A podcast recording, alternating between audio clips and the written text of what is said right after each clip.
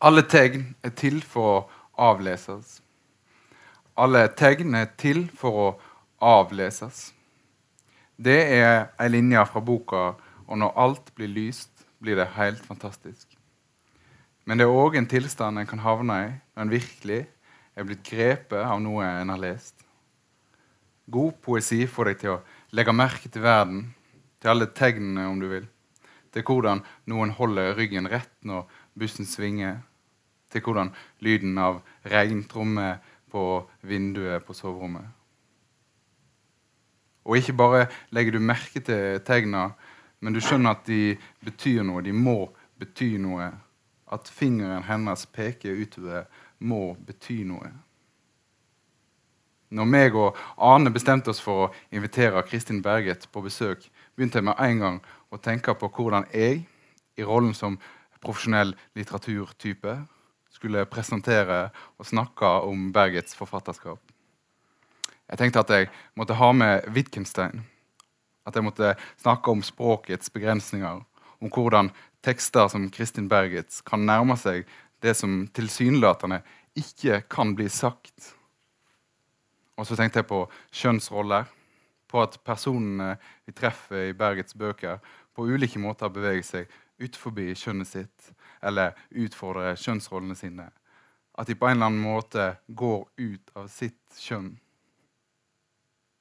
Men uansett hvordan jeg prøvde å formulere spørsmål om noe av dette, så ble det keitete og kleint og pinlig.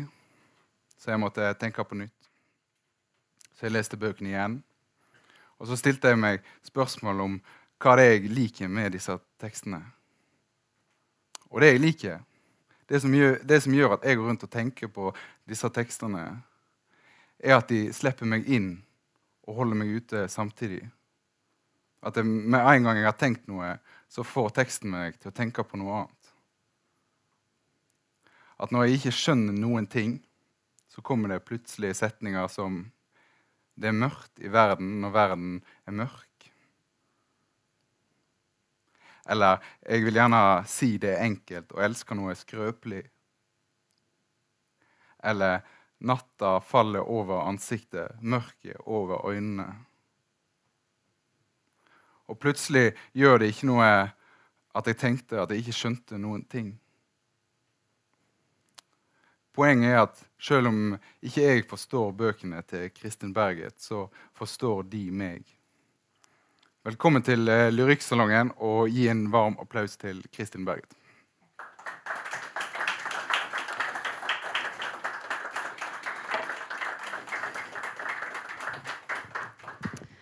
Hei, og tusen takk for den fine introduksjonen. Jeg skal åpne med å lese litt fra den siste boken min. Og når det blir lyst, blir det helt fantastisk. Jeg skal lese åpningen.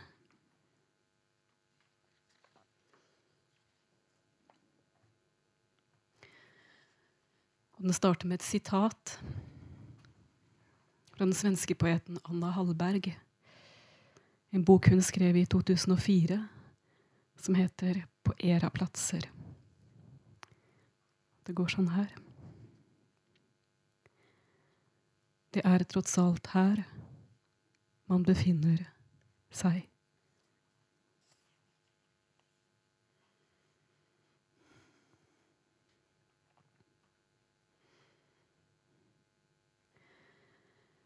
Dette landskapet fanger oss med sine lange strå.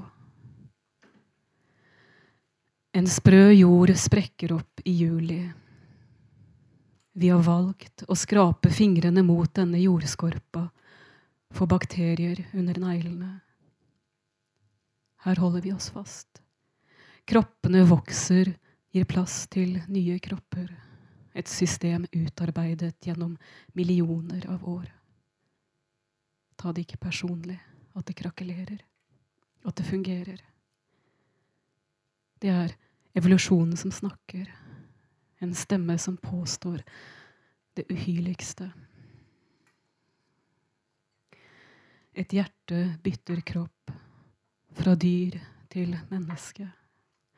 Tåren simulerer både hav og sorg.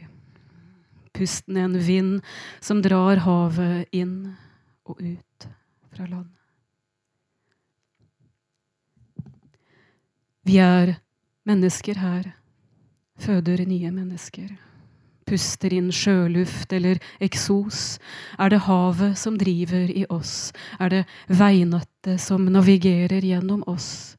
Er det varme som pumpes rundt? Magma under, sol over. Bare her kan vi være. Dette tempererte området. Utenfor viltgjerdene suser husene forbi. En nedlagt skole, kan hende en ombygget kirke. Her pågår den sekulære overskridelsen. Verktøyene glitrer under lystoffrør. Før et strømbrudd mørklegger landsbyen. Og vi lyser opp innenfra.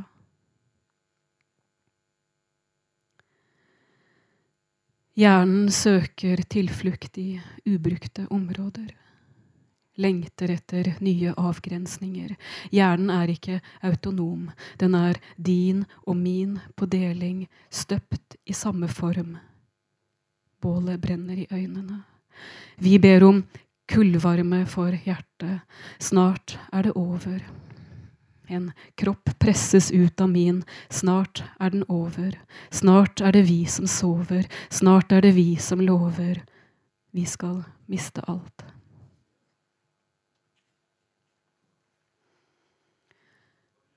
Så løper vi langs et nypløyd jorde, beveger oss over store flater, mot murer, mot kroppens forskalningsmateriale. Vi løper langs plogfuren, rennen der sola speiles ved kanten av jordet. Noen ganger var vi mer ensomme i hverandres hus. Vi må samle all kunnskap som finnes om oss. Vi krenger, rives bort. Vi må huske hvem vi var. Gud blåser gjennom hodene våre, mens hun, i et mørke som ikke kan bestemmes om er utenfor eller innenfor, dødelig eller bare natten, eller om natten er lydene, bladverket, barnålene, mineralene, sier alle tegn er til for å avleses. Selv om vi ikke har en sjel, er det noe som drar i oss. Vi har løpt langs et nypløyd jorde, sett humuslaget brukket åpent, energier sluppet fri. Det uttømte fosforet, leirelaget som sulter. Et sted sover barna. En hellig treenighet, eller to trekanter smeltet sammen til en davidsstjerne. Det drar i oss.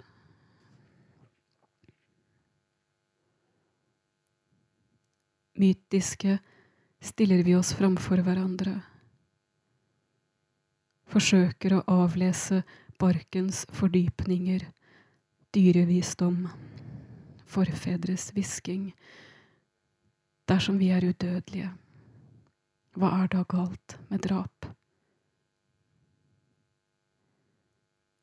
Så graver vi en grav i skyggen av familietreet, fyller den med bein og fjær, så skogen får sluke historien. Vi sager grener av treet, ser mørket falle gjennom tretoppene. Det stiger røyk fra pipa der vi holder hus. Når vi senere skal sove, synger vi for hverandre med tynne stemmer. En fossil sang fra plogfuren, eller fra under plogfuren, fra det plogfuren slipper løs. Et fossilt eventyr trekker i nøkkelbeinet, eller de 26 beina som kraniet består av. Det lille dyrets avtrykk i steinen et insekt og markens mørke ganger? Eller går vi i søvne?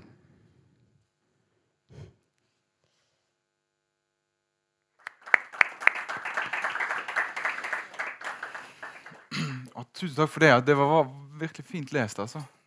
Fin, eh, det var begynnelsen på, på, det første eh, partiet i boka. Det, det, var veldig fint, og det er en veldig fin bok. Eh, gratulerer med den. Den er jo helt ny. Vi har en tekniker på huset hvis det blir behov. Men det ser riktig ut. Nei, det ser veldig bra ut. Ser det bra ut nå? Ja, Dere hører meg òg? Ja. Ja.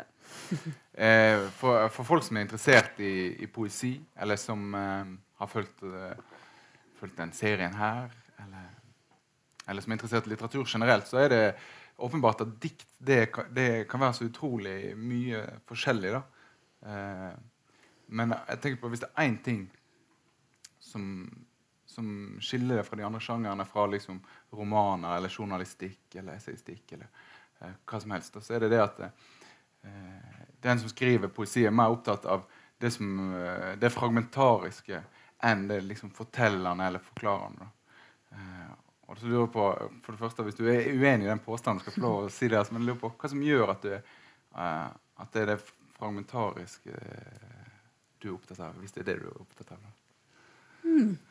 Det, var, det var, liksom en, en, en, også en innfallsvinkel. Uh, ja, altså jeg tenker Dikt opererer jo på mange forskjellige måter. Og det episke diktet er jo også en sjanger som jobber med de, de store fortellingene. Um,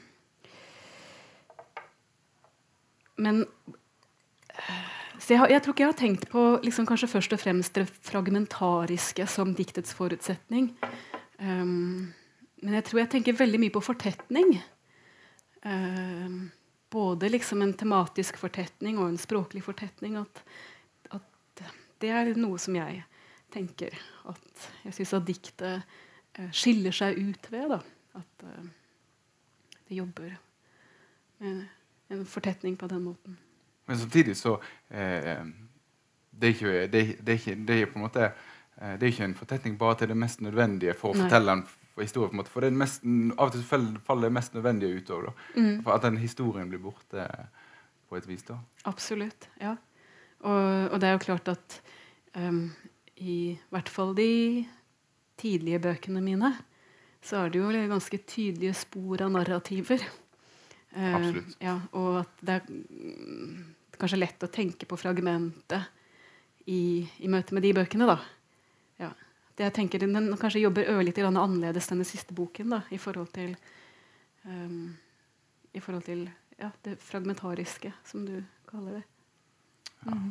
Men, men, det men, det er jo eh, Eller er det det? Altså, jeg, jeg, tenker jo som Den nyeste boka det er også som en, som en uh, slutta konstruksjon. da, At det, mm. at det er én bok. Mm. At det ikke er en, nødvendigvis en samling med dikt, men at det er en, mm. en bok som er i diktform. da. Mm.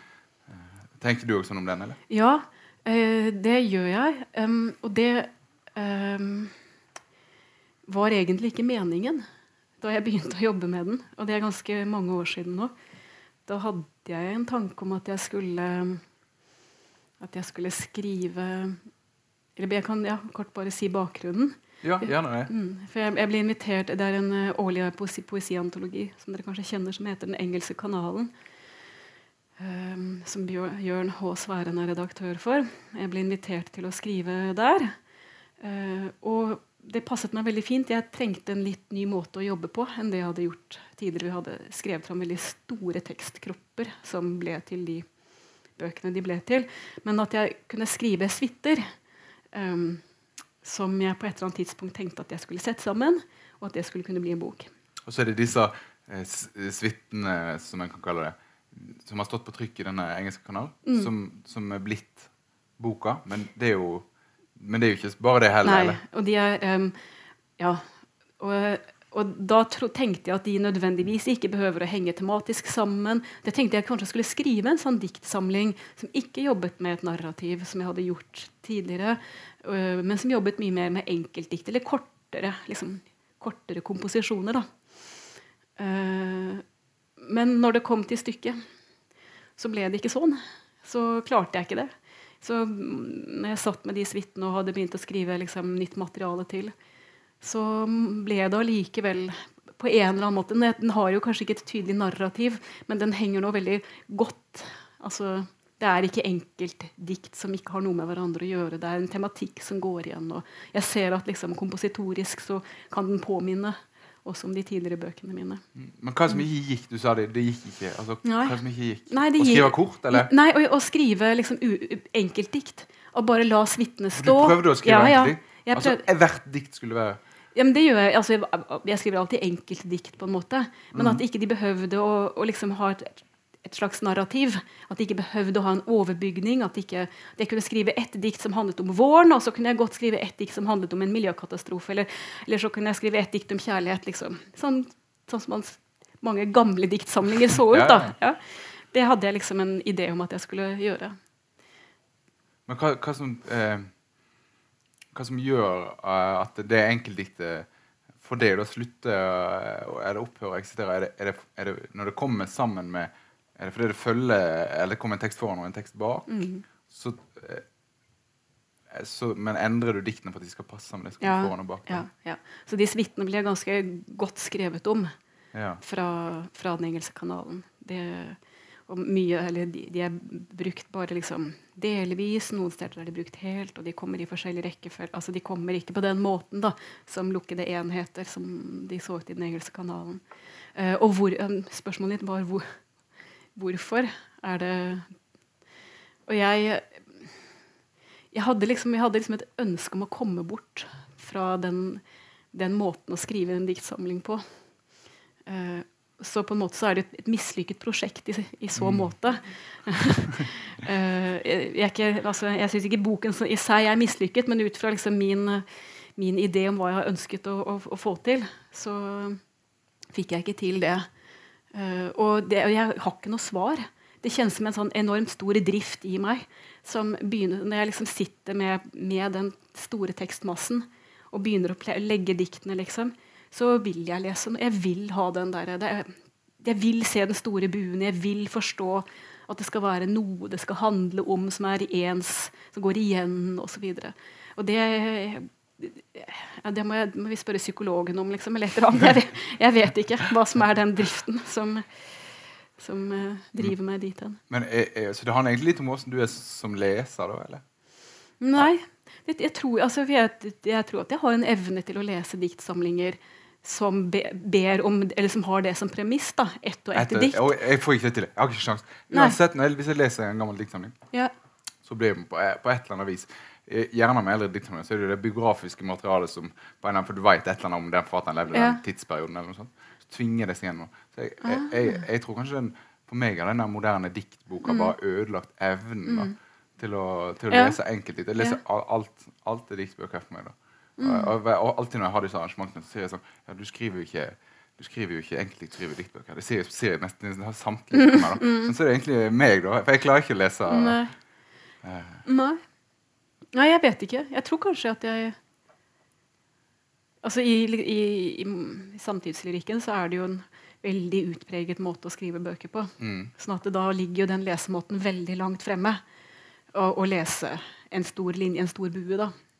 Lese en hel komposisjon. Um, men jeg tror fortsatt at jeg liksom kan lese enkeltdikt også. Kanskje jeg bare skryter på meg nå. så jeg vet ikke. Men er det noe du, du søker mot, liksom, å kunne ha liksom, det ene diktet som kan stå på ja, i Aftenposten, eller kan stå på en gravstein, eller liksom skal er det noe som, er, som, så, så, eh, I rollen som poet da, har han lyst til å kunne liksom, ha det der diktet som Dette kan bli lest i en konfirmasjon eller i et bryllup. Eller, det høres litt teit ut, men det er på en måte nei, det- del, det er på en måte det, en del av det som dikt er i verden. er jo at det er noe som tar plass i viktige hendelser Ja. i folks liv. Da. Og da er det jo ikke, du kan du kan ikke lese hele den boka i et bryllup. Eh, eller selvfølgelig, du kan det, da, Ja. men eh, ja. Det kan bli sånn der litt avmålt applaus etterpå, kanskje. Um, det var faktisk en som kom og så sa at hun skulle, skulle gravlegge et familiemedlem. Og lurte på om, eh, om hun kunne bruke noe som hun hadde Det var etter en opplesning jeg hadde hatt. Og da kjente jeg at jeg ble veldig stolt, altså. Selv om, altså selv om jeg ikke har tenkt på det som at jeg har Det kjennes enormt forfengelig å skulle være en sånn poet som skal skrive for konfirmasjonen, liksom. Ja.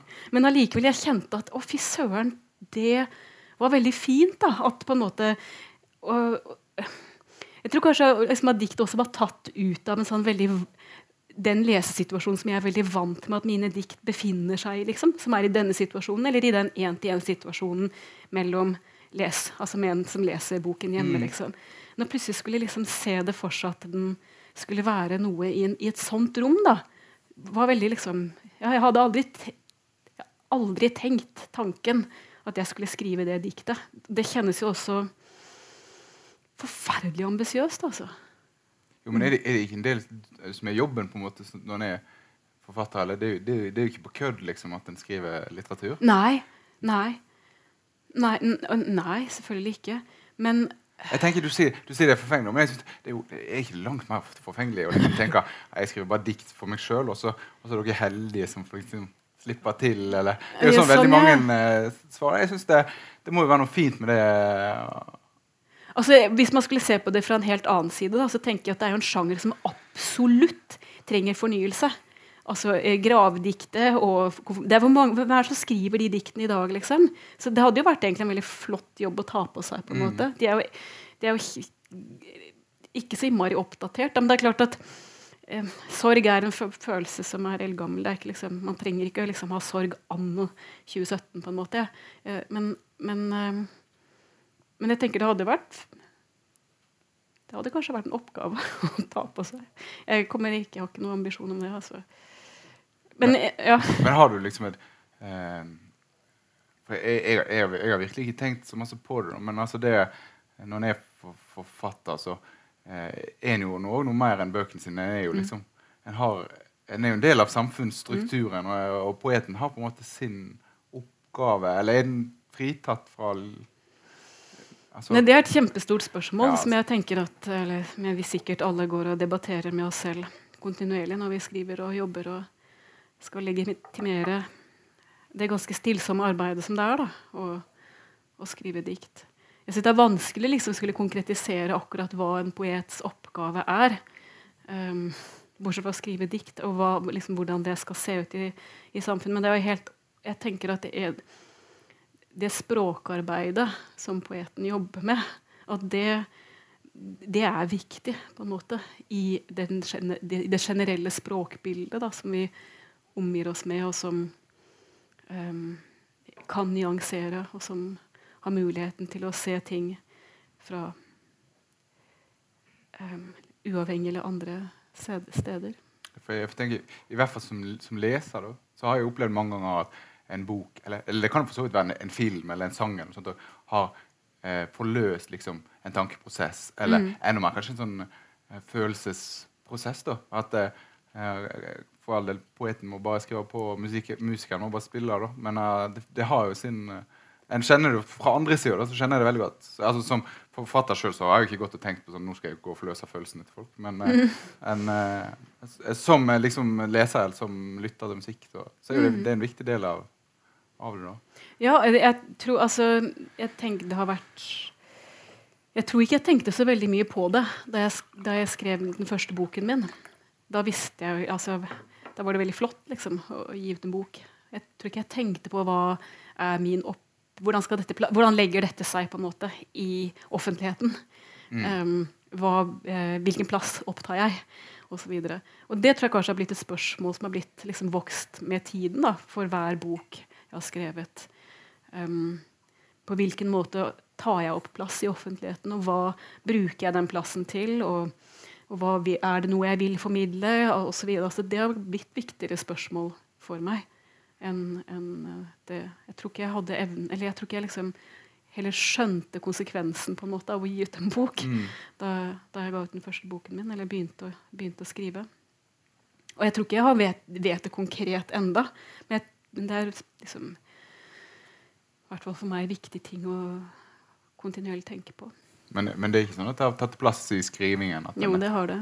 At en tenker at en eh, Ja, du skriver f.eks. en del om skjønnsproblematikk. Mm. Er det sånn at du har tenkt at dette er noe som trenger eh, et språk, eller det trenger mm. eller, eller, er det sånn at det kommer først og fremst fordi at en sjøl trenger å sette et språk på det? eller liksom Nei, altså jeg tenker det er, veldig, det er ganske vanskelig altså, Jeg vet at noen forfattere liksom har sagt sånn jeg, må, jeg, ville skrive den boken som jeg ville lese. Ja. Um, og det jeg, har jeg liksom Men jeg syns, jeg syns også at det er alltid så veldig langt altså Fra et skrivearbeid starter, og ideene på en måte er, begynner å liksom være i gang, så er det ja, som jeg sa, at dette er på en måte også et slags mislykket forsøk. Selv om det er en, jeg er fornøyd med boken. liksom, At det kan være så utrolig langt da, fra lang avstand fra det som var utgangspunktet, hva jeg håpet at jeg skulle gjøre, til det som foreligger når boken er ferdig. Um, så jeg tenker at det, vans det, er vanskelig å bestemme at um, dette er én, et viktig tema uh, all, som jeg bør si noe om. Um, og nå skal jeg gjøre det. Men det har vært viktige temaer for meg å undersøke. Og jeg tror jo at jeg vil påstå at det er viktige temaer og at, som det sies noe om, at det kanskje at man bestreb, at å bestrebe seg på å skrive, skrive fram språk, skrive fram måter som kanskje åpner opp de feltene eller de områdene på litt andre måter enn de man møter, når man møter temaene liksom i dagspressen eller i akademia. eller osv. At, at liksom det poetiske arbeidet har en annen mulighet. da. Det tror jeg at jeg liksom Ja, for det er jo virkelig noe av det som er poesiens oppgave. er det som de, de tingene som er vanskelig å å sette opp på enten fordi at ordene mangler, eller fordi at de ordene vi har, er blitt eh, fettete og gamle og ikke kan brukes mm. lenger. Da. Det tenker jeg absolutt er en viktig del. Mm. Eh, men eh, jeg vet noe for meg sjøl når en skriver at eh, sånn, den type tanker trer ikke inn da, før en er ute liksom, og, og, skal selge boka eller skal mm. liksom, snakke om boka. Eller, ja. mm.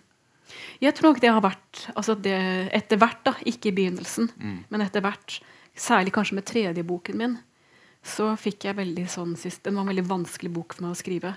Og at jeg holdt fryktelig mye med på med hva, hva kan man skrive om, hva er viktig å skrive om, hva er plassen min, hvordan skal jeg bruke den jeg, altså, De spørsmålene ble helt på grensen mot lammene da, for, for å kunne jobbe. Og nå, har, mm. og, og nå har jo du eh, nettopp gitt ut en, en, bok, og nettopp hatt det derre eh, det er, jo, det, er, det er, jo, liksom et viktig punkt i Selv om boka på et vis er jo, er, den er jo ferdig skrevet og den er trygt, og alt dette, men det er jo et, et viktig punkt i bokas lesning der, eller for forfatteren sjøl når den slutter å være bare din tekst, og så mm. møte med kritikere, lesere eh, Er det noe som du liksom Hvordan opplever du det når du Ser du fram til det, eller gruer du deg til det? Eller, eller hva betyr liksom det møtet når, når, boka er kommet ut. Og sånn. nå er her, Det er ikke så mm. lenge siden den er kommet ut, men det har i hvert fall vært en del av anmeldelser her. Og, og mm. sikkert snakket med noen lesere, som du sa i sted. Mm. Ja, altså det, det har også endret seg litt med tiden. At øh, jeg har liksom sett hvor utrolig mange forskjellige lesninger man kan få. Som i, i begynnelsen kanskje kunne være eh, både veldig berikende, men også litt frustrerende å ikke skjønne hvordan man hadde klart å rede ut dette fra denne teksten. på en måte. Men etter hvert så syns jeg liksom at det egentlig har vært veldig spennende. Um, og også den um, Å på en måte skrive fram et rikt materiale da, som har muligheten for å leses på forskjellige måter. Um, så denne gangen så var jeg veldig spent. Um, det er jo alltid ørlite grann nervøst, så klart. Og, og, og det, hadde jeg fått liksom utelukkende slakt, på en måte, så hadde jeg kanskje ikke sittet nå og sagt at jeg var veldig spent. Eller sånn. Men altså, det, det hadde vært liksom helt ok, alt sammen. Eller helt fint. Og, men ja, jeg kjente meg veldig spent. Jeg følte også at det var, sant, ettersom jeg opplevde at det var en litt annen type bok enn jeg hadde skrevet tidligere. og Hvordan ville denne liksom føre seg inn i forfatterskapet mitt? og hvordan, ja, alt det der. Uh, jeg var, spent, liksom, var jeg spent på hvordan, det, hvordan den skulle lande og legge seg i, den, i samtalen. Så, og så er det jo sånn at uh, både de fra forlaget som, som, som selger bøkene, og, også, og kritikerne ofte uh, I hvert fall med bøker som denne her, som er Og jeg syns virkelig den er fin, altså, men den, den, er vanskelig den er vanskelig å, å, å, å få grep på. Altså, mm. det, det, er en, det, er en, fødsel her i begynnelsen, mm. og det er et vi det handler om. Eh, og, det, og, det, er liksom det er et eller annet, en ulmende katastrofe. Jeg, jeg syns det er vanskelig å liksom Ok, hva var det her nå? Mm. Og det, det, er jo litt av både forlaget sin jobb og kritikeren sin jobb å, å sette en eller annen ramme på det. Da. Og Vi, vi snakket så vidt i sted om at eh, samtlige av de anmeldelsene som du har fått nå, har, har gått for klima, klimasaken. Ja. Og du, det overraska deg, da? Ja, det gjorde faktisk det. Ikke fordi at eh, det var meg ukjent at jeg hadde skrevet om et ustabilt klima, liksom. Men jeg hadde faktisk ikke liksom helt eh, eh, sett for meg at den såpass tydelig liksom skulle bli kalt for økopoesi. Det, uh, det, det, det, det, så jeg liksom ikke helt komme når jeg Eller hadde jeg Nei, jeg hadde ikke tenkt det, det, ingen, Og det er flott, det er ingenting i veien med det, liksom. Men jeg hadde nok ikke helt sett det for meg. Og at, også liksom at um, At den har blitt lest på en måte ganske politisk. Um, og det syns jeg også har vært veldig interessant, for det har jeg ofte savnet tidligere. at jeg synes at uh, jeg, jeg, har liksom tenkt ofte at jeg har skrevet mye mer politisk enn jeg, i hvert fall her i Norge. da, sånn jeg synes jeg har blitt lest her i Norge. Uh, ofte har det vært liksom mer fokus på kjærlighet og sånn. Men absolutt, altså. det har vært, men plutselig nå var det tydelig at dette var liksom et viktig nok politisk tema. liksom uh, Klima. Altså, det er viktig, altså, viktigere enn kjønn, på en måte. At ja, nå, ja, opplever nå, nå, du det sånn? Virkelig? Nei, nei jeg, jeg, setter det veldig på spissen. Ja. Men, uh, men, ja, litt sånn tenkte jeg. Så interessant at dette plutselig liksom Plutselig eh, la seg så tydelig inn i en, liksom, en politisk uh, samtid. Da. For, for, jeg tenkte jo det når jeg, når jeg leste gjennom oh, ja, det, var det, det var det det handla om. Ja. Og så følte jeg jeg fikk en ramme. da. Ja. Men samtidig så, er, så, blir alle de tingene som eh, nesten hver gang jeg leser en, en, en dikt som første gang jeg leser den, så tenker jeg alltid å, det var en kjærlighetsbok. Nesten, ja. alt, alltid etterpå da. Og så, og så, men så blir det litt sånn uh, Etter jeg har lest de anmeldelsene, så blir det sånn uh, ja, men hva med det, var, det, var det Handler det ikke om en familie? Om ja. Er du redd for at, de, at på en måte en eh, resepsjon kan bli for tydelig? Er, tenker du på de andre tingene som faller bort, eller er du bare så glad nå for at du har fått liksom, den politiske lesningen? At, ja, sånn, ja. Nei, altså for det er jo en mangfoldig bok. Det handler, ja. om, det handler jo om mye, og det, og det vet jo absolutt anmelderne, Det er ikke det jeg sier, altså, mm. men de må jo skrive en tekst i år. mm. ja. Jeg tenker at en, altså, eller Min erfaring med bøkene mine hittils er at de også har blitt lest ganske bredt. Um, I den forstand at altså, det, altså dagspressen med forholdsvis korte anmeldelser er, liksom et, er jo én lesning. Og så har du liksom tidsskriftene som kan breie seg utover noen sider og ha lengre lesninger.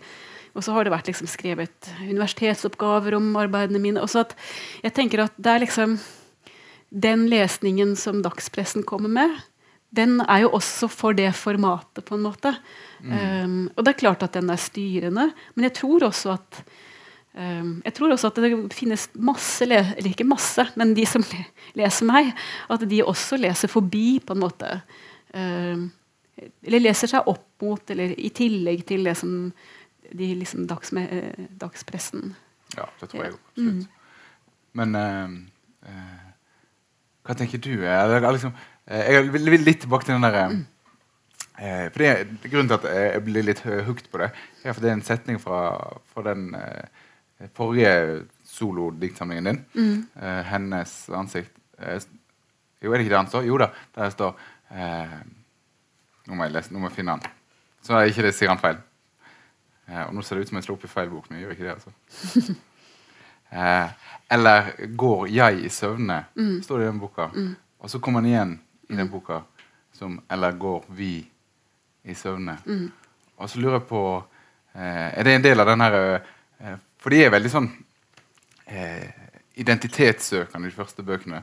Er det på en måte òg noe du har prøvd å skrive deg vekk. Du mm. sa jo i stedet du prøvde å skrive deg litt vekk inn i at du har gått fra, et, eh, fra det jeg et, eh, til, til, et vi. Eller, mm. ja. Ja, det... Og her, du forteller, Når du har den setningen i begge to bøkene, og så tenker jeg, for oss som liksom leser på den måten som jeg har lest nå, så er det veldig sånn signal at her er det ikke jeg som er viktig, mm. her er det vi som er mm. viktig. Ja. Mm. ja, det var en det altså jeg, hadde, jeg, hadde, jobbet mye på en måte med jeget og jeg i møte med verden. Um, og så helt sånn konkret så var, var det den, hadde jeg den Plutselig satt jeg med den erfaringen at jeg hadde blitt forelder og fått et barn.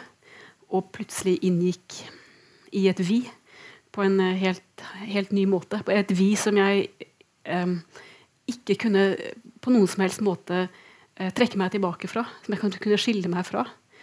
Um, og det var, sånt, de var, var en sånn igangsetter for liksom å tenke rundt hva er dette hva er, hva er dette vi-et?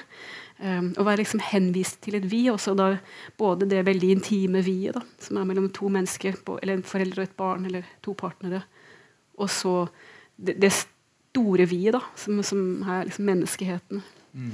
Uh, og det så det, ja, det var liksom en ny, ny, type undersøkelse som jeg var tvungen å gjøre i arbeidet mm. mitt. Og som, som liksom hadde et sånt privat startpunkt, liksom. Uh, som satte i gang disse spørsmålene. Hva, hva, vil det si å inngå i et vi? Og vil, hvem, hvem, har plass i vi-et? Og så videre. Ja. Uh, du snakket litt i sted om den opplevelsen av at Eh, av, av, å prøve å ville gjøre noe nytt, og så endte det opp med å ligne. Mm. ligne på en måte. Mm. Ja, og det, det, er så mange som har vært her i Lyrikksalongen og snakket at uh, mange forfattere er livredde for stagnasjon. Mm. Eller, uh, eller, at de skal skrive den samme boken om igjen og om igjen. Eller, eller at de føler at de må pushe form fordi de er livredde for at de har bare de samme setningene om igjen. og om igjen. Eller, mm. Er du redd for å jeg, jeg opplevde i hvert fall det liksom rett etter jeg har gitt ut en bok, at, den, at den, jeg måtte komme i gang med en gang. Mm. Kommer vi da, for for ellers blir han sittende fast i, i den ene boka. Hvordan er det for deg nå når du har gitt ut en bok? Er du redd for å, altså, å stagnere eller ikke komme i gang med skriving igjen? Eller er du i gang med skriving med en gang? eller åssen er det for deg? Ja, Nei, jeg skriver ikke akkurat nå. Uh, jeg er alltid redd for ikke Alltid redd for, for, å ikke å skrive. Uh, eller at um, eller, eller, har det alltid som en, en, mulighet. At dette er den siste boken min. At ikke det er Eller jeg hadde ikke det etter den første boken min. Da, da, tenkte jeg at da var, var, jeg ganske sikker på at jeg skulle skrive en bok til. Dum, ja, jeg var ung og dum. um, men nå har, har, det alltid vært en mulighet. Um, og jeg tror ikke det er Det kjennes ikke som en, en sånn type redsel som er 'Å, guri, jeg må fornye meg'. eller sånn. Jeg tror det mer handler om liksom en, at jeg skal ha nok interesse for å jobbe og for å skrive. At um, det må skje noe nytt på en eller annen måte. Um, og det kan ta litt tid å både skrive fram altså Ringe inn liksom en problemstilling jeg har lyst til å undersøke. Da. Um, og så på en måte skrive såpass mye at jeg skriver fram et språk som uh, som kan stå i forhold. Da. Som, kan, som det, de temaene eller de spørsmålsstillingene jeg har, kan klinge på. Da. Um, og, det har vært liksom viktig mellom hver bok jeg har skrevet. At, ikke som en, ikke som en, en, en idé, men som en, liksom en, indre nødvendighet for at skal, teksten skal materialisere seg. Um, sånn Jeg tror ikke jeg liksom er i utgangspunktet redd for at jeg skal skrive den samme boken. Um, heller at jeg, jeg ikke skal skrive. Sånn mm. generelt. Men jeg, ikke, jeg vet ikke Jeg er ikke så redd skal jeg ikke skrive mer, så skal jeg ikke skrive mer. Liksom. Det, er også, det er ikke noe verre enn det. virkelig? Tenker du, tenker du sånn for virkelig? Altså, det, det, er kanskje et økonomisk Det er et problem sånn der liksom Så greit å slutte å skrive for sin skikkelige jobb og tjene penger? og ja, eller egentlig gjøre, det, er dette jeg kan, på en måte. da. Ja. Nå har jeg holdt med det her en stund. Og, fader, hva skal jeg gjøre for noe da, liksom? Uh, jeg, har noe, jeg, har ikke en sånn annen karriere å falle tilbake på. Um, så det, det, kan være litt mer sånn bekymringsfullt, liksom.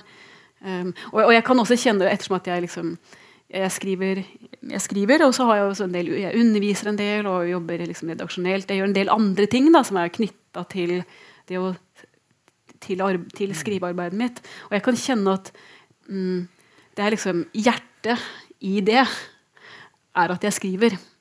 Så jeg kan også kjenne at Hvis jeg skulle liksom helt slutte å skrive og bare kjenne at det er ikke mer der, at da kan jeg liksom kjenne at ja, da kan jeg kanskje ikke gjøre de andre Da vil de andre jobbene falle bort. da.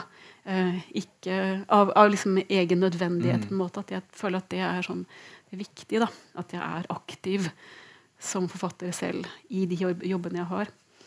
Så det, så det er jo på en måte kanskje en slags redsel. Hva, hva skal jeg finne på da? Men du, eh, nå er jo, du er jo virkelig en poet. da. Altså, Det er ti år siden du debuterte. Mm. Og det er liksom, du, du, jobber ikke med noe annet. Det er det som er, det er, det som er din jobb og din rolle. Mm. Eh, og, så, eh, og, det er jo noe som et, et, et, sånn som jeg har forstått det, mange som føler litt at de har ramla litt inn i det. At det plutselig var livssituasjonen, litt, livssituasjonen sånn. da. Men eh, hvordan var det for deg? Var det sånn at på et tidspunkt eh, så bestemte du deg for å bli forfatter, og så ble du forfatter? Nei det er, Jeg tror liksom jeg, jeg tenker også at man Eller forfatter Det er jo på en det er, hmm, det, det er liksom ikke en, en, en tittel som er beskytta på, på den måten. Liksom, det, er jo, det, er jo det er jo kontinuerlig et arbeid. Um, og, og for meg så handler det liksom uh, Det er liksom et, om et blikk, da. En måte å være i verden på, å titte inn i verden på. Og liksom mm, At det er det viktige, på en måte.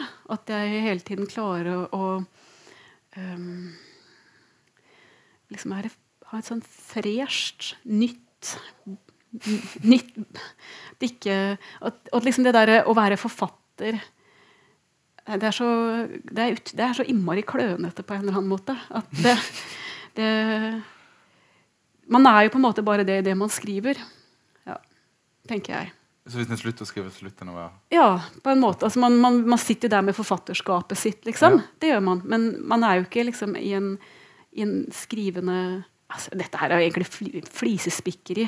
Det er, ikke så, det er nok ikke så vesentlig, Ja, liksom. men jeg tenkte, for eksempel, du, eh, du har jo studert på litterær Mm. gestaltning. sant? Denne eh, skriveskolen i Gøteborg Göteborg. Mm. Eh, og så er det jo alltid interessant liksom, når den En ting er at den driven til å skrive er der nå, når en har skrevet mye og har bøker bak seg. og alt det. Men det, det den må jo være der når en søker på for Er det to Mm. år en går der? sant? Sette av to år av livet sitt på å bli forfatter? Mm, Eller Ja. ja. hvem, hvem var den Kristin Ja. Berget som, som søkte seg inn der? Altså, jeg hadde hatt et ganske jeg har, jeg har nok hatt et ganske sånn livslangt forhold til diktet. Som var veldig intimt og veldig privat. Um, og som jeg ikke delte med noen. Uh, og jeg skrev dikt i all hemmelighet inntil jeg var ganske voksen. Um, var det flauhet? Liksom, ja, ja. Stor, men også på en måte um, jeg, jeg, Det var et veldig viktig sted for meg å tenke. Og, og, og være i diktet, på en måte. Altså Mm. lese diktet. Men, og, um, men jeg, hadde, jeg var helt språkløs i forhold til det. Og det kjentes veldig sånn der, uh, selvhjelpsaktig på en eller annen måte. Um, så det var veldig brått at jeg plutselig bestemte at jeg skulle søke på skriveskole. Um, og det, jeg var veldig flau da jeg gjorde det. Um, jeg hadde en samboer på det tidspunktet, og jeg kunne absolutt ikke fortelle det til henne. Og jeg husker at jeg liksom tenkte at jeg tror at jeg må jeg tror at jeg må opprette en sånn postboks på, på, på posthuset. For det kommer til å komme et svar, og, eh, og det må ingen ingen få se. Og jeg vet ikke helt hvordan jeg hadde tenkt meg det videre liksom, dersom jeg skulle komme inn på en skriveskole, for det kunne jeg liksom ikke gjøre sånn. Ja.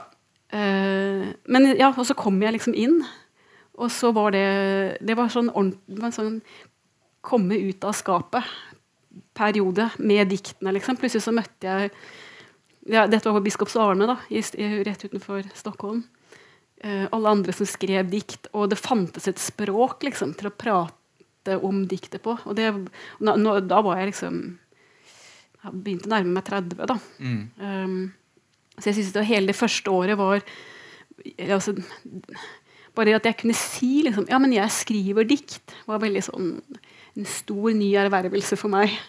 Og, og, og finne et språk og skjønne at det går an å jobbe med diktet. Liksom. At, um, og da, da var det liksom det, Jeg tror jeg tenkte så innmari mye å, nå skal jeg bli poet, eller, eller sånn. Det bare, men dette er så, så spennende. Ja. Uh, og jeg liker å være i disse samtalene, og jeg liker å jobbe med tekstene mine på denne måten. Og så, ja, så rulla det liksom på. Ja, for det kommer jo et punkt når, det, når en driver og leser for folk og deler med folk, så er det der selvhjelpsbiten altså Den kan Ja. fremdeles alle, den er der eh, gjerne til stede av og til, da, men det er jo noe langt mer enn det Ja. på et eller annet Ja. tidspunkt. Ja. Og så er det noe langt mer enn bare spennende når en skal sette seg ned og komponere det arbeidet som er liksom en debutbok. da. Eh, så det, men det var liksom, var det, var, det var liksom en, en glidende overgang. Da, Ja, disse- og jeg, det tok meg veldig lang tid. Jeg tror ikke jeg tenkte i, i veldig lang tid så tenkte jeg ikke på bok. At det var ganske sånn fremmed. Jeg skrev, og jeg, og jeg jobbet liksom i ah, mange ulike formater. og Det tok meg ganske lang tid før jeg liksom begynte å tenke at å, man skal jo skrive en bok. liksom. Mm. Uh, og den, hele den første bo altså 'Losing Lease' var, hadde jeg jo ikke tenkt skulle være en bok. Det var en ganske sånn stor installasjon. Så, ehm, Ja, det må du for det, det er dit vi skal. Det er eh, debutboka di som heter 'Losing Louise', eh, som ser sånn ut. Mm. Eh, som er eh, virkelig eh, eh, spesiell. Ikke bare på en måte er tekstene er fine og sterke, men den er full i piler, og den er liksom satt opp som om den er skrevet på en skrivemaskin. og Den har et veldig sånn bevisst visuelt uttrykk da. I tillegg til, til en veldig tydelig stemme. Og her finnes det jo, apropos det narrativet, så er det jo definitivt en, en, eh, en, eh, en fortellerstemme her. Mm. og så er det eh, klippet inn brev fra en, en partner eller ja. mm. og så lurer jeg på hvor kom, hvor kom liksom den i, i, Hvor springer den boka ut ifra? Eller hva liksom Du snakket så vidt om en installasjon. Eller, ja. Nei, altså jeg hadde Det var mens jeg gikk på Biskops Arne Uh, og hadde hatt den halleluja-opplevelsen med diktet. Så, så jobbet jeg med veldig, veldig, veldig stramme tekster. Det ble mindre og mindre og mindre. Um, og det pågikk ganske lenge. Og så uh, Plutselig så fikk jeg det for meg bla, bla, bla, um, at jeg skulle skrive på skrivemaskin. Mm, fordi Nei, det er, åh, det er, skal jeg ta den historien? Uh, ja, ja, ja, ja. Det er alltid interessant hvorfor, hvor, når det finnes Jeg, altså, ja, ja, nei, altså jeg gikk på Jeg gikk da på fortsetningskurset på et sånn andre år på Biskops Arne. Men da hadde vi et samarbeidsprosjekt med Konstfak, Kunsthøgskolen i Stockholm, som heter Teksten i rommet.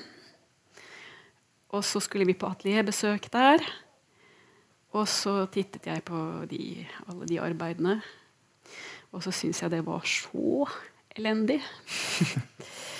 Eh, og, det, og det sier ikke noe om de arbeidene, det, sier om, det sier, sa noe om meg. Altså. Jeg, jeg, jeg syns det var så flaut, så dårlig, og, så, og jeg ble, så, jeg ble altså så provosert og så sint at jeg rett og slett ikke kunne være der. Jeg satte meg på nattbussen fra Stockholm og hjem igjen.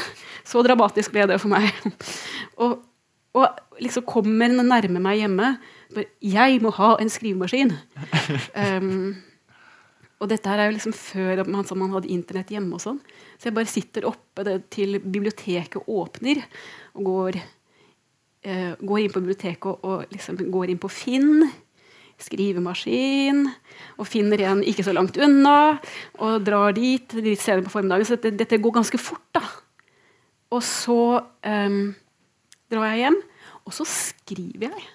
Og jeg, jeg, tror, jeg husker ikke om jeg med en gang fikk en sånn lang papirrull, eller om jeg holdt med A4-arket. Men det var liksom som om det trykket da, som plutselig bare var så eh, intenst der på den, eh, på, den på Kunsthøgskolen der.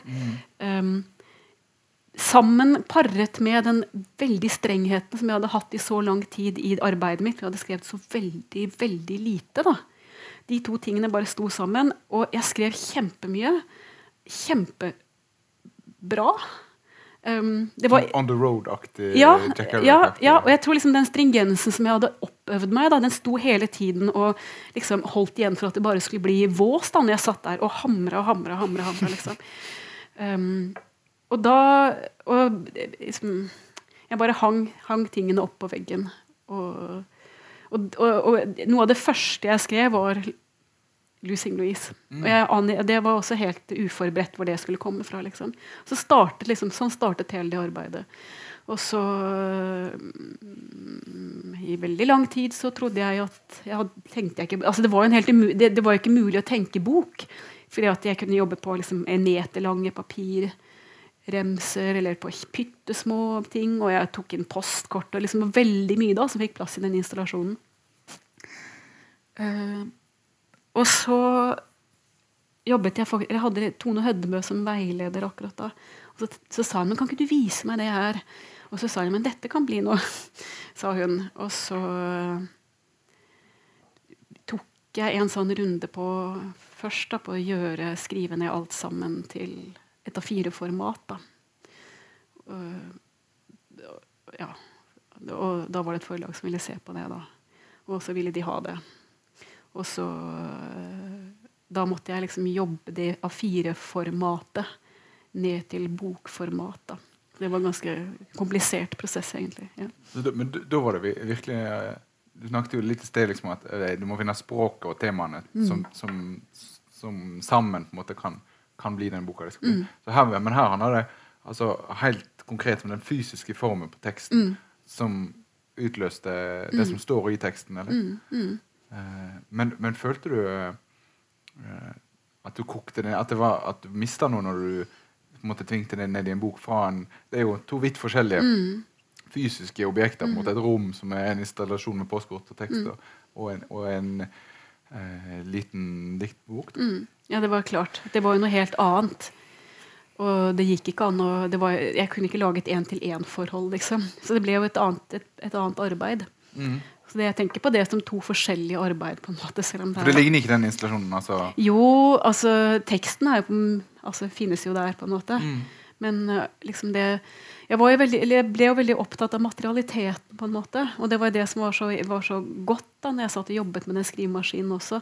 Det var så kort vei liksom, mellom det jeg hadde skrevet og det å kunne liksom se på det og ta på det, den, den avstanden mellom liksom meg og skjermen som jeg synes vært, ble veldig lei av etter hvert, um, på det tidspunktet, uh, var god da, å komme forbi. Og jeg syns det var liksom godt å ha det arket ha det liksom um, Som jeg tror handlet om, om, å lete Som jeg tror også faktisk handlet om å finne fram til det språket da, som jeg hadde brukt så lang tid på å, å skrive fram. Mm. Det, den det materielle hadde med det å gjøre også. Mm. Men så eh, Det forsvinner jo eh, pilene og mm. skrivemaskinene mm. og alt. Eh, det forsvinner jo til du gir ut denne eh, den andre boka di som heter eh, 'Der ganse veg', mm. som har fått eh, som betyr hele, hele veien. Mm. Eller noe sånt. Ja. Har ikke hatt tysk siden ungdomsskolen, men, men har Google. Som er en mye mer altså Når du blar opp her nå, en mye mer streit. Mm. En streit eh, diktsamling. Var, var, det jo altså, Hvordan gikk du fra den enorme liksom, installasjonen Her må vi bygge ned, koke ned, finne altså, det visuelle, store boka eh, med det gule papiret og over til hvitt papir her. Altså, nå var mm. liksom den prosessen eh, Det virker som det er to forskjellige mm. bøker, da, virkelig, selv om det er samme stemmen på et eller annet vis. Da. Altså erfaringen av å ha skrevet 'Losing Louise' uh, jeg, Sånn sett i ettertid så tenker jeg at det er, er et ganske sånt tydelig arbeid om å prøve ut hva som går an i språket. Um, hva, ja, hva kan språket holde, på en måte? Og det er veldig mye som det språket i den boka ikke kan holde, som blir disse grafiske pilene, eller sånn, hvor liksom språket unndrar seg. da. Um, og det hadde jeg på en måte gjort, og nå vil jeg ha et språk um, som jeg kunne påstå ting. Mm. At diktet skulle kunne påstå ting. Så det var liksom en veldig konkret altså, fortsettelse på en måte, og ønske om en endring, eller få til noe som var noe annet. da, eh, når jeg skulle begynne å jobbe med den boka. Um, ja. ja, for det, den er jo litt sånn eh, Eller jeg, jeg tenkte den første boka den litt sånn, handler på et nivå da, om, å, om å finne seg sjøl i hvem en er liksom, i lag med noen andre, eller liksom det spillet med noen andre. Mens den uh, andre boka handler om å finne seg sjøl med seg sjøl på et eller annet vis. Da, og, mm. og, ikke denne mm, og, og, Fortelleren har to forskjellige tilnærminger til verden. og Den første på en måte er mer usikker og dokumenterer hva den andre skriver, og, mm. og alt skal med i fortellingen. Så, så er den, på en måte, den er jo eh, eh, brutal på et vis. og eh, insisterende. og Det virker som jeg helt, nesten som en sånn eh, reaksjon da, på denne mm. usikkerheten eller noe mm. som er i Lucien Louise. Mm. Eh, var det et spørsmål? Nei, det var ikke spørsmål, men det er helt i orden. Den andre, den andre tingen som jeg har liksom, som jeg kommer på nå, som jeg tydelig har hatt med meg helt derfra var at Jeg ville heller ikke skrive jeg ville, Ettersom at den har et veldig tydelig narrativ, i Louise, mm. så var jeg veldig klar på at det skulle jeg ikke ha I den boka òg? Ja, det, Ja, det Ja, det fikk du ikke til den gangen. Nei, jeg fikk ikke jeg, jeg har ikke fått det til på seks bøker, liksom. um, ja, eh, og sånn ble det jo absolutt ikke. Um, men ja. Det, for det er jo en slags eh, I den boka så eh, Og det er virkelig, eh, den synes jeg, jeg, synes jeg, synes det er vanskelig å få gjenfortelle på en måte, hva den boka er, hvis, hvis det er noen her som ikke har lest den. Men, men eh, det, det er i hvert fall en, eh, en eh, dagbokform, da. Eller Det teller på en måte dag én, og så kommer du inn med forskjellige dager igjennom. Og da lurer jeg på, Hvis, hvis du ikke ville ha en narrativ, hvor, hvorfor valgte du den? eh? Det er jo tydelig at eh, da i hvert fall som leser så tenker en at her går vi framover i tid. Vi går mot et eller annet. Vi går eh, en vei mot, mot et eller annet. Det, det er et godt spørsmål. Um, og, men jeg tror at jeg faktisk tenkte altså, Det er jo ganske mange ting som er i oppløsning i den boken. I grunnen nesten alt av liksom vante kategorier. Og tidsaspektet er jo også ganske flytende. Um, og jeg tror at jeg hadde en idé om at ettersom at det ikke er dag 1, 2, 3, 4, 5 um, Det er utvalgte dager. At det skulle på en måte være med på å liksom tydeliggjøre en slags uh, ikke nødvendigvis rett forteller eh, Eller sånn tydelig kronologisk narrativ, da. Ofte har det litt motsatt. Ja, Det det, det, det, effekt på meg, ja, altså. ja, Ja. det vil jeg ha på. Mm. Vi, vi snakket litt om eh, liksom, eh, det, den, hvordan eh, resepsjon, en, en, en kritikk, kan, kan være med å ramme inn lesningen av et verk, og, og hva som er forfatterens rolle, at en, at en skal utforske ulike ting. Og så, tenkte jeg bare for I en anmeldelse i NRK så blir det påstått at det viktigste spørsmålet i denne boka er om det er en mann eller en kvinne som er hovedpersonen. Og når jeg, når jeg leste det, så tenkte jeg Hæ, det er ikke sånn jeg leser dikt, men, eh, men jeg ville bare at eh, spille ball med deg. For, altså, Ja. hva, hva, hvordan forholder du til det? Det var påstanden i anmeldelsen. Eller, mm. ja. Nei, altså um, Faktisk så var det sånn at jeg ville skrive en bok om transkjønnethet. Mm. Mm, så det var, eh, det var et av utgangspunktene for den boken. At det skulle være en flytende kjønnsidentitet hos jeget. Jeg syns ikke det, altså, det, det blir utro, Jeg syns det blir kanskje litt sånn eh, Hva heter det for noe? Innskrenkende å tenke at, at er, skal være en gåte, liksom. Ja. Er det en mann, eller er det en kvinne? Så kan vi, kan vi, altså, det er ikke så interessant, men altså, det som er i spill, da, Mm. er vel det som jeg er ute etter. Ja. Mm. Eller var ute etter, da. Eh, og så eh, Den, eh, den tredje eh, boka, den som kom Det tok meg noen år mellom Ganske vei til, til den som heter 'Hennes ansikt', som Ja. ser sånn ut. Eh, der føler jeg virkelig at vi har beveget oss helt vekk fra Louis Louis Ja. visuelle uttrykk, i hvert fall. da. Der eh, Louis Louis er veldig sånn eksperimentelt, så er det her er det to linjer. Alle diktene eh, er to linjer. enten, altså Det kan være mange sett med doble linjer, men det er doble linjer eh, det går i. da. Eh, kan du si noe først bare om det rent sånn visuelle? Var du helt ferdig med Eller er det, det er jo kanskje på en måte veldig en bevisst konstruksjon? Eller er det gjort for å komme seg helt vekk fra det? eller hvordan, Hva har du tenkt om det? Ja, nei, altså, jeg, som jeg, altså Det var en veldig vanskelig bok å skrive. Um, og jeg hadde veldig store spørsmål. Mm. Både til diktet og til litteraturen og til historien. Altså vår felles historie. Og, um, og til min plass som poet og forfatter. Eh, sånn at det, var et veldig sånn omfattende måte tankearbeid da, som jeg holdt på med. Og da etter at jeg hadde etter det Der ganze veg, som jeg hadde ønsket meg et språk som var hardt, og som kunne påstå ting, så tenkte jeg for å Eller ikke jeg tenkte, men det er også sånn som skriver seg fram. da, uh, Men at det skulle være et, et språk som er ganske lett tilgjengelig. Som ikke har liksom vanskelige semantiske konstruksjoner eller um, hakket opp på ulike måter osv. Uh, for at det skulle kunne bære på en måte den kompleksiteten da, som jeg arbeidet med liksom, i, Mm. sånn tematisk da, i boken. Mm. Og da var det også veldig godt å ramme det inn på en måte veldig stramt med de to doble linjene. At liksom formmessig da, at det var veldig sammenholdt for at jeg skulle kunne elaborere de sånn som det så ut for meg da når Mm. jeg skrev de såpass kompliserte og komplekse problemstillingene. Mm. ja, for det for den, altså, som de andre, Det er vanskelig liksom, å gripe fatt, fatt i de noen, altså, det er som den har en veldig Som leser da en veldig eh, tydelig opplevelse av hva det handler om. Og så kan jeg fortelle det, og så går ordene litt i eh, Men så syns jeg det var jeg, jeg hørte du, du fortalte et sted at du hadde en, en helt konkret Og det begynner jo med eh, et bilde av en, av en jeger. Og så fortalte du at du gjorde research til, til diktet. Kan ikke du bare nett fortelle litt om det? Nei, det, det var en veldig omfattende skriveprosess, uh, som nå jeg har sagt mange ganger.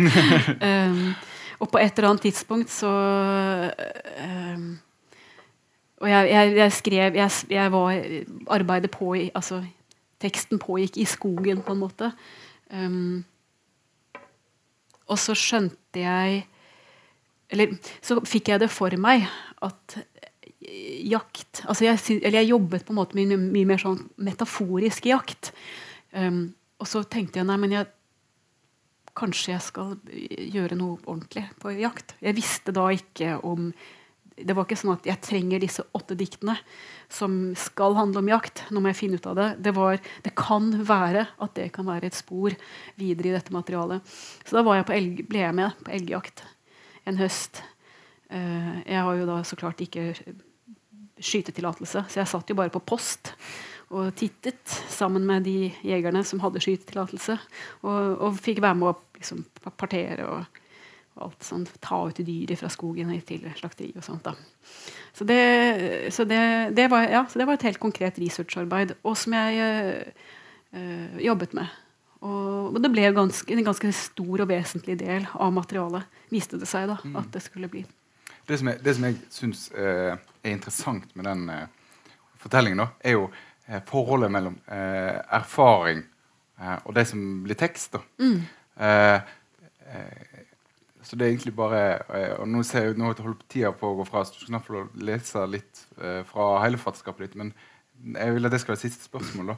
Hvordan forholder du deg liksom til For det virker jo som at når du forteller den historien, at den teksten eh, hadde et behov for at du skulle ha en spesiell erfaring for at du skulle kunne skrive den. Mm. Eh, og hvordan forholder du deg til, eh, til altså det forholdet mellom det erfarte og det som du kan skrive? Er det, er det mulig å skrive noe mot, som er helt uerfart, eller blir en da, sitter en da bare igjen med tomme metaforiske ord? eller... Eh, og, og sånn, altså, nå tenker jeg ikke generelt, men for ditt, for deg som skriver. Jeg tror alltid at eh, på en måte at det finnes en slags eh, følelsesmessig erfaring Mm. som eh, eh, Som på en måte kan Hvis ikke det finnes en slags følelsesmessig erfaring, så tror jeg det blir vanskelig for meg å skrive. Um, men altså, f.eks. at i denne boken her at man ser ut på en utsikt gjennom et fyrvindu. Jeg er ikke så bokstavelig at da må jeg finne det fyret, og så må jeg sitte der for at jeg skal kunne tillate meg å skrive det. liksom. Um, men at det jeg, alltid, altså alt jeg holder på med, er å finne opp, på en måte. Eh, og det er ikke noe én-til-én-forhold mellom jeg i bøkene mine og, og meg. Liksom, selv om jeg var med på elgjakt, så er det liksom ikke jeg som driver rundt her. Nei da. Og, og, og en måte eh, Mitt poeng er ikke at en skal drive med biografisk lesning på enhver tid. Hele tiden. Mitt poeng er bare at eh, Eller det fikk meg til å tenke på det eh, at eh, En snakket eh, gjerne om at det, en, det, det ikke fins noe. Det er umulig å være et én-til-én-forhold mellom forfatter eh, og tekst. Liksom. Men så på, tenkte jeg når du fortalte den historien, og da fortalte du den bare, så tenkte jeg ja, men det må jo være på et eller annet nivå da, så henger teksten igjen med en erfaring som har hatt, eller en erfaring som en, eh, Det kan jo på en måte være en erfaring en har henta fra et annet sted enn sitt eget liv. altså på absolutt måte, Men jeg bare ja. Eh, Ja. Um. det veldig, eller var det var den ene konkrete Var det, det situasjonen som krevde det? Det òg er jo en mulig Ja, ak akkurat. Ja. Mm. Det, er det er vanskelig å, å svare generelt Det er vanskelig å svare generelt på det. Men jeg tror liksom at det nærmeste jeg kan si, er at det mm, men altså, Både liksom den følelsesmessige erfaring, men også en slags intellektuell erfaring. At de spørsmålsstillingene som jeg reiser innenfor meg selv når jeg skal skrive, at jeg på en måte leser tilstrekkelig, um, og at den kunnskapen på en eller annen måte jeg, jeg, Det kan ikke være slik at jeg leser et kjempesmart essay om noe som jeg liksom driver og skal skrive om og så setter jeg meg og skriver et dikt. på en måte. Det er også som at um, må også, det, må liksom, det materialet må få synke. Det må på en måte bli en del av min tenkning, på en måte. Mm. Ikke bare liksom den første repetisjonen i hodet, liksom. Um, og så det kan, det, det, den prosessen kan jo være ganske langsom. Altså, det tar jo stort sett ganske lang tid for meg å skrive disse mm. bøkene mine. Um, og det liksom det tror jeg også er eller det har på en måte med den erfaringen å gjøre. da. Um, som ikke liksom er om jeg kan hogge ved for å skrive at jeg hogger ved eller ikke. liksom. Det, det er forskjellige, måter, forskjellige typer erfaring. da. Mm. Jeg syns det var fint svart. Jeg. eh, jeg tror vi skal avslutte med at du, du, får lov å lese litt igjen. Så vil jeg si tusen takk for at du eh, tok deg tid til å komme hit til Bergen og til Lyriksalongen. Takk for at jeg fikk komme. Ja. Mm.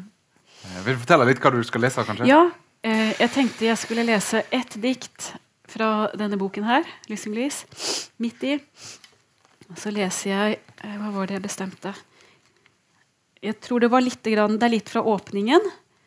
Uh, det ganske vei? Ja. ja. Og så er det et par dikt fra åpningen av den, og litt på slutten. Og dette skal ta syv minutter. Uh, og jeg håper at, jeg liksom, at stoppeklokken min og lese tempoet mitt ikke, nå må, stemmer, stemmer overens med det det gjorde hjemme. Altså. Du, du, du, Kristin, du må ikke bekymre deg. Alle som er her, er her for å høre på deg. Så de setter bare pris på deg. Jeg kan jo si uh, Mens du gjør deg klar, så kan jeg si at uh, Lyriksalongen, neste Lyriksalong det er 23.11. Da kommer Cecilie Løveid. Vær så god, Kristin. Vi slår opp ansiktene mot vinden. Springer ut gjennom portene, gjennom gatene. Det er nå husene tømmes, fasadene mørkner. Det er nå vinden blåser byen tom. Det er bare oss, og vi faller ned i kjellerrom, graves ned i jorda. I en annen tidsalder vil noen grave oss opp knokkelrester og din latter, for å lage nye teorier om menneskeheten.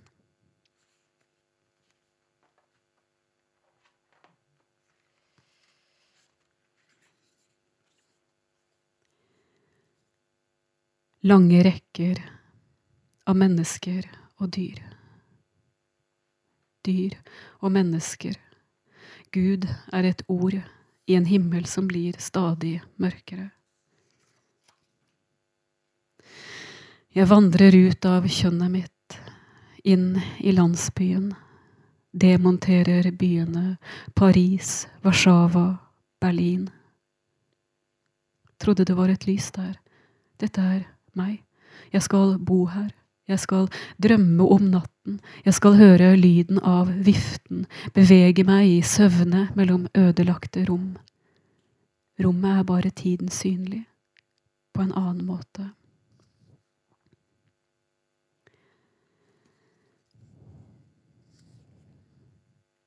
Det fantes ingen barndom. Det finnes ikke et oppdrag. Gir fra meg ansiktet, påkaller den hellige Katarina av Alexandria vil ha melk og honning, stoler på blodet. Jeg er ikke noens drøm, tørker melk fra såret, ber bønnen, bærer vindanorakker, tråler natten i det samme lyset, den samme byen, det samme minnet.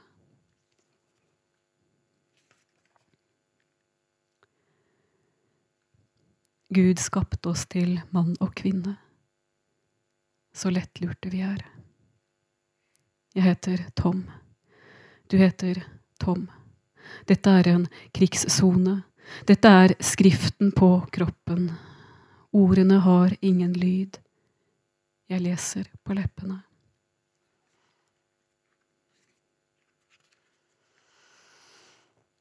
Dag fire. Som om jeg skulle stå framfor Gud og bekjenne min synd. Kjære jomfru Maria. Jeg tror vi kunne hatt fin sex. Det er ikke et løfte som sier 'jeg frir så fort det blir morgen'. Jeg sier bare 'hvorfor har du så innadvendte øyne når du blotter brystene i tide og utide'? Jeg drømmer om hoften din, hvordan din tunge slikker min skulder.